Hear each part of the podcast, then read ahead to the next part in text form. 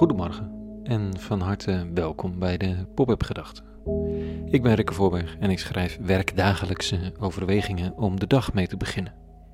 Vandaag met de titel Een anker voor de ziel. Pop-up Gedachten dinsdag 19 januari 2021.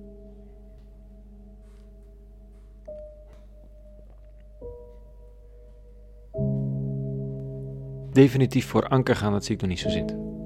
Te veel zeeën om te bevaren, rivieren om te verkennen. Er is simpelweg nog te veel water. Zondagavond keken we met de kinderen Alive on Our Planet. Een film van David Attenborough die een getuigenis geeft over de stand van de aarde. Op zijn 93-jarige leeftijd. En zelfs hij gaat niet voor anker op zijn oude dag. Hij heeft zoveel gezien, meer dan ik kan waarmaken al zou ik willen.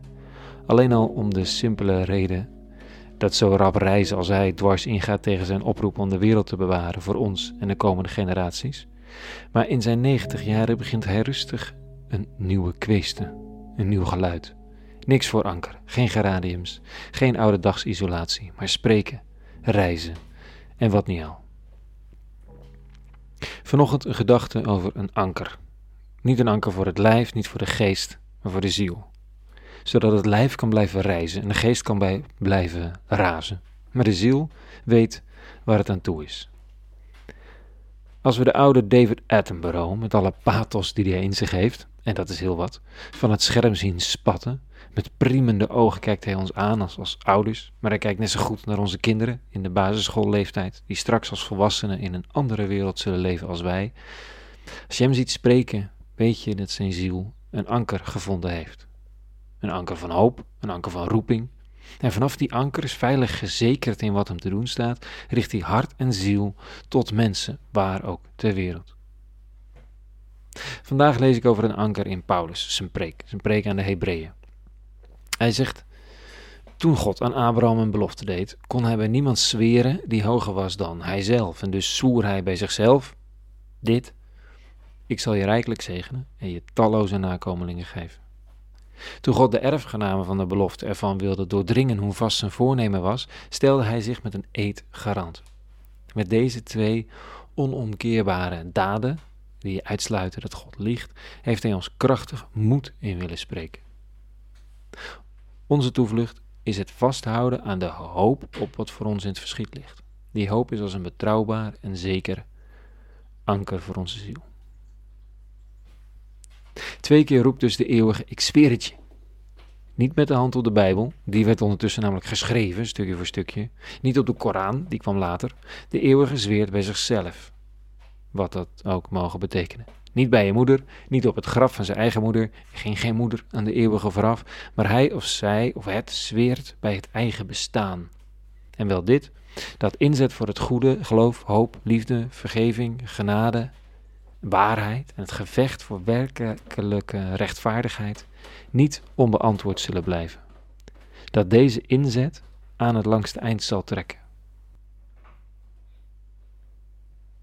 Daar is een geduld voor nodig dat soms onze levensverwachting overtreft. Maar het is zo belangrijk dat velen die ons zijn voorgegaan besloten hebben dat het simpelweg te belangrijk is om het op te geven. Al profiteer je er niet van, toch is het de enige zinnige weg. David Attenborough in zijn documentaire wil het wel van het scherm spugen. Als het geen coronatijd was. Als je voor de natuur zorgt, zorgt die voor jou, zegt hij. Als je haar leegzuigt, opvreet, uitbuit, ga je jezelf ook kapot. Gegarandeerd. Nou, vul in God in plaats van natuur en je hebt een heel deel van de tenacht te pakken. Niet alles, maar wel een heel deel.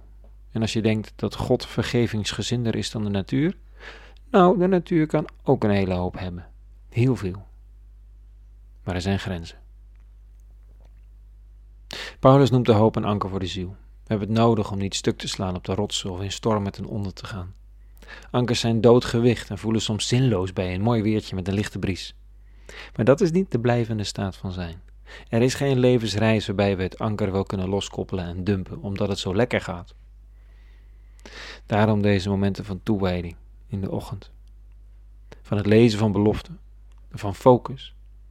En een oproep tot vertrouwen dat het anker het uiteindelijk zal houden, als je maar durft te geloven. Oh, en wie dacht het anker kwijt te zijn, moet het maar even zoeken. Het kan zo nog ergens in het ruim liggen weg te roesten.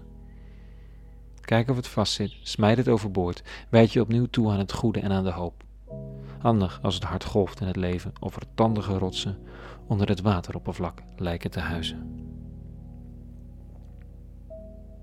Tot zover vanochtend. Een hele goede dinsdag gewenst. Morgen weer een nieuwe pop-up gedachte. En voor nu, vrede en alle goeds.